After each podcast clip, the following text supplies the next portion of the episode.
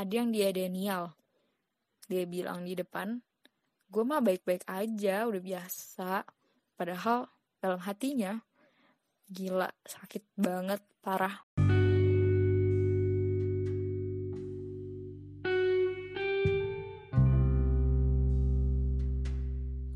Assalamualaikum warahmatullahi wabarakatuh Hai teman-teman pendengar Pisahut Balik lagi bareng gue Nada Di satu minggu sebelum Ramadan berakhir.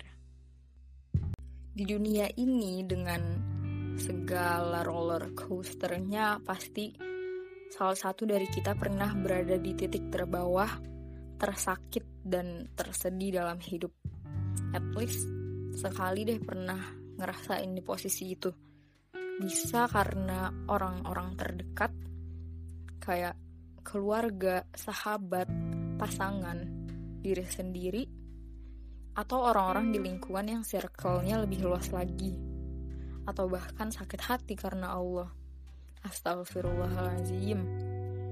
Kemudian kesedihan dan kekecewaan itu tentu punya respon tersendiri dong setiap individu mungkin punya latar belakang dan masalah yang berbeda, jadi respon yang dikeluarkan juga berbeda.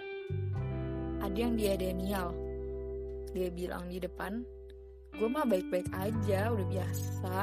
Padahal dalam hatinya, gila, sakit banget, parah. Ada juga yang marah, sampai dia nyari-nyari kesalahan di titik mana.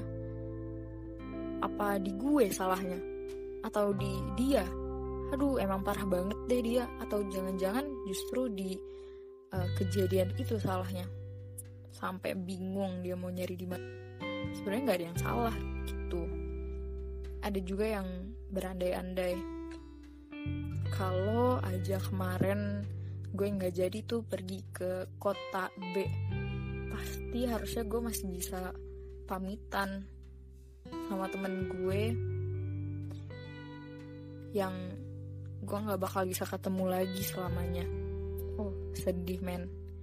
Atau di tahap tertinggi respon yang paling oke okay, yaitu dia nerima masa lalu itu dengan lapang dada dan tangan terbuka lebar. That's really good.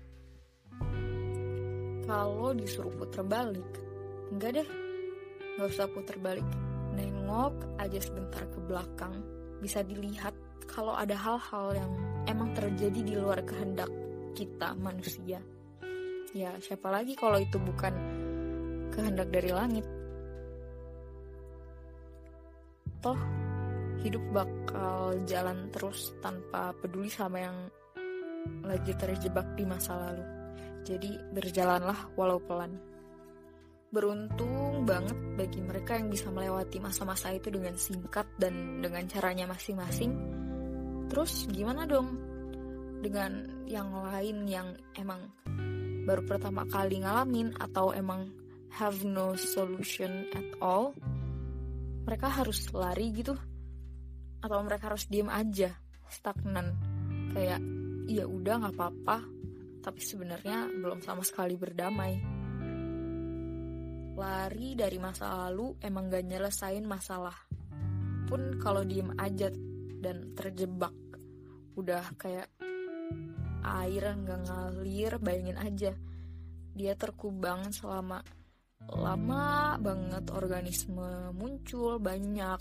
Terus airnya jadi bau dan toksik nah kita sebagai manusia nggak mau dong toksik mau itu ke diri sendiri ataupun ke orang lain.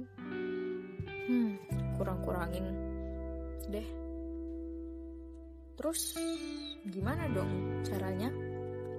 Jadi gini, sebelum kita masuk ke situ, sejauh pemahaman dan apa yang pernah gue lihat, solusi apa pun gak akan pernah efektif kalau dalam dirinya sendiri gak mau diajak kerja sama. Dan solusi-solusi itu misal cuma dia dengerin doang dari temen dia atau dia baca doang dari internet, gak dieksekusi sama sekali. harus dilakukan adalah pertama dilakukan pelan-pelan. Terus niat kumpulin niat yang seniat-niatnya karena niat itu we know fondasi atas segala hal. Balik lagi ke hadis arba'in uh, yang pertama. Terus setelah niat udah oke okay, bisa nih salurin uh, emosi-emosi itu ke tulisan atau kalau punya teman yang terpercaya dan uh, bisa jadi pendengar yang baik bisa juga disalurkan ke dia.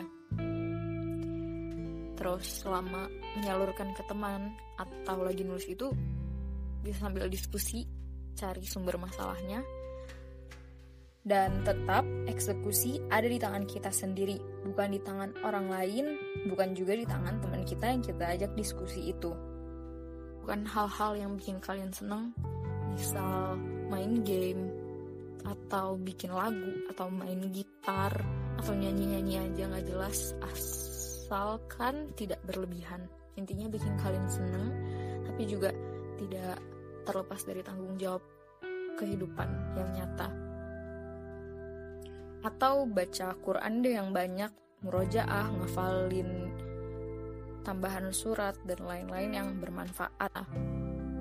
Terakhir, ini wajib banget untuk percaya sama Allah. Uh, Rasulullah Shallallahu Alaihi Wasallam bersabda, Sesungguhnya jika engkau meninggalkan sesuatu karena Allah, niscaya Allah akan memberikan ganti padamu dengan yang lebih baik. Hadis riwayat Ahmad.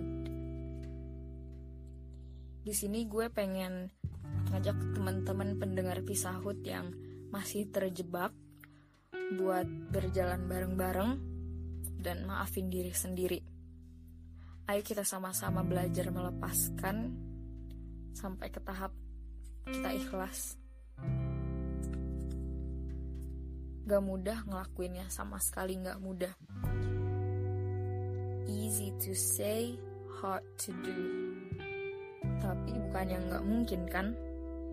Terakhir makasih banyak buat teman-teman pendengar pisahut yang udah dengar sampai sini yang buruk dari gue silahkan lempar aja Wassalamualaikum warahmatullahi wabarakatuh. Oh iya, gue jadi ingat I love you but I'm letting go, tapi versi lebih optimis bahwa Allah bakal ganti dengan yang lebih baik kehilangan itu.